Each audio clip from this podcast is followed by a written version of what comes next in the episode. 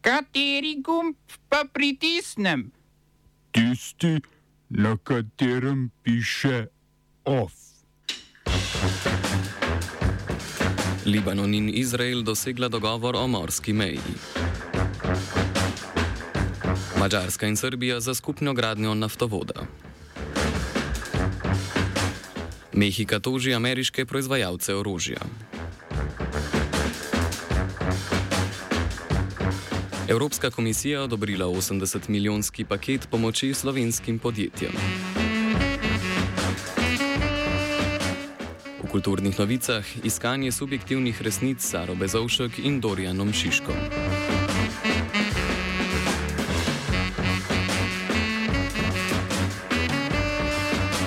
Libanon in Izrael sta po dolgotrajnih pogajanjih dosegla soglasje o morski meji med državama. Pogajalci obeh držav sporočajo, da so ob posredovanju Združenih držav Amerike dosegli dogovor, ki obema članicama omogoča ohranjati varnostne interese in zagotavlja vse teritorijalne pravice.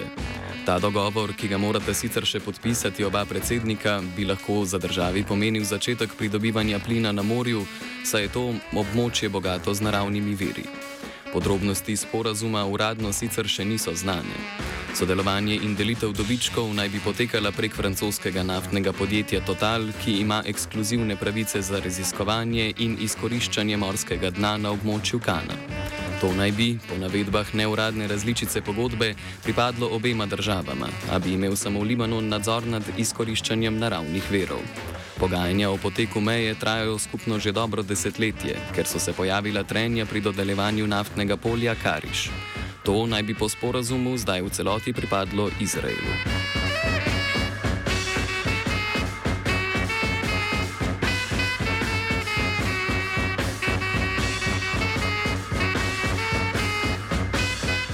Mačarska in Srbija sta napovedali skupno gradno naftovoda, ki bo Srbiji še naprej omogočal uvažanje ruske nafte. To trenutno uvaža prek jadranskega naftovoda, ki bo v skladu z evropskimi sankcijami decembra nehal dostavljati rusko nafto Srbiji.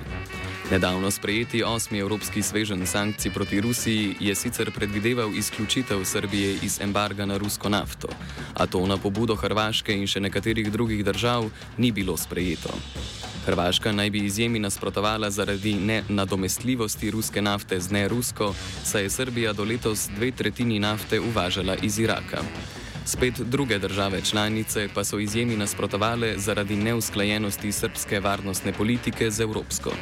Novi naftovod bi potekal prek Mačarske in bi omogočal priključitev na naftovod družba, ki bi v Srbijo dovažal cenovno ugodno nerafinirano nafto z Urala.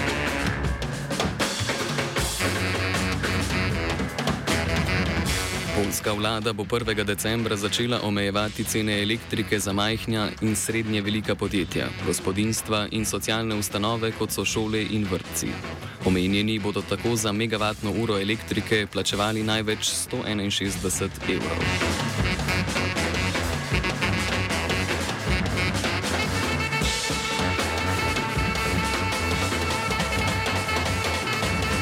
Veleposlanik Evropske unije v Belorusiji Dirk Šubel je predčasno zaključil svoj mandat. Kot trdi Šubel, mu beloruske oblasti niso podaljšale vizuma in akreditacije. Funkcijo je opravljal od leta 2019, odnosi med Belorusijo in Evropsko unijo pa so se v tem času poslabšali. Unija namreč ni priznala izida predsedniških volitev leta 2020, saj naj bi bile te izvedene nedemokratično. Unija je uvedla sankcije proti dolgoletnemu predsedniku Aleksandru Lukašenku in njegovim sodelavcem, na kar je Lukašenko odgovoril s pošiljanjem beguncev na meje Unije. Unija zahteva tudi izpustitev več kot tisoč političnih zapornikov, med katerimi je letošnji prejemnik Nobelove nagrade za mir Aleš Bjelacki. Delegacijo Unije v Belorusiji bo začasno vodila Evelin Šulc.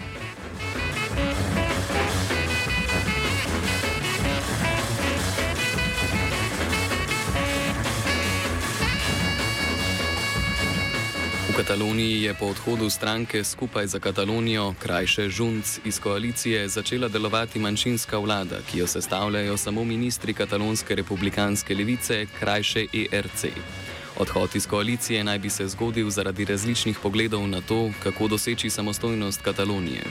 ERC je želela izvesti novo glasovanje prek dogovora s prestolnico, medtem ko Žunc zavrača vsakršna pogajanja.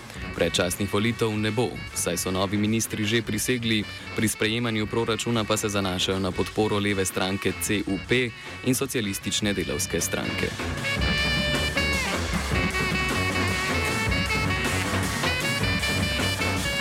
Mehika je na sodišče v ameriški zvezdni državi Arizona uložila tožbo proti petim ameriš ameriškim proizvajalcem orožja, saj naj bi ti pomembno pripomogli k širjenju nelegalnega orožja in višanju stopnje nasilja v Mehiki. Ministr za zunanje zadeve Marcelo Erbart je izjavil, da če želijo ZDA sodelovanje Mehike pri reševanju ameriških težav z drogami, morajo obratno zagotoviti pomoč tudi pri reševanju mehiških tegob. Mehiška vlada v tožbi zahteva nove standarde za nadzor nad prodajo orožja in sredstva namenjena proučevanju nelegalne trgovine z orožjem in kampanjam proti njej. Prav tako želijo poplačilo škode državi po presoji sodišča. To ni prva to vrstna tožba. Leta 2021 je Mehika vložila tožbo proti 11 ameriškim proizvajalcem orožja, a je bila prejšnji mesec tožba ovržena, saj ameriški zakoni ščitijo proizvajalce pred zločinskimi dejanji, ki so storjena z njihovimi izdelki. Smo se osamosvojili, nismo se pa osvobodili. Naslednje število je še 500 projektov izpiljene modele, kako so se strani nekdanje LDS rotirali. Ko to dvoje zmešamo v pravilno zmes, dobimo zgodbo o uspehu. Takemu političnemu razvoju se reče udar. Jaz to vem, da je nezakonito, ampak kaj nam pa ostane? Brutalni obračun s politično korupcijo. To je Slovenija, tukaj je naša zemlja, to je Slovenija, Slovenija, Slovenija. Evropska komisija je odobrila paket pomoči slovenskim podjetjem, ki znaša 80 milijonov evrov. Pomoč bo na voljo v obliki subvencij za elektriko in zemeljski plin. Vloga za enostavno pomoč bo znašala do pol milijona evrov pomoči in do 50 odstotkov upravičenih stroškov. Načrtovane so tudi vloge za posebno pomoč in za energetsko intenzivna podjetja v višini do 2 milijonov evrov, ta podjetja pa bodo lahko računala na državno kritje do 70 odstotkov upravičenih stroškov.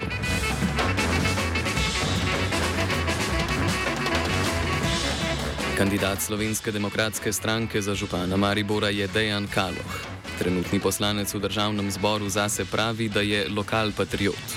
Na volitvah pred štirimi leti SDS v Mariboru ni imela županskega kandidata, temveč je podprla Franca Kanglerja. Ta za zdaj še ni najavil nove kandidature za mariborskega župana. OF je pripravila Lucija.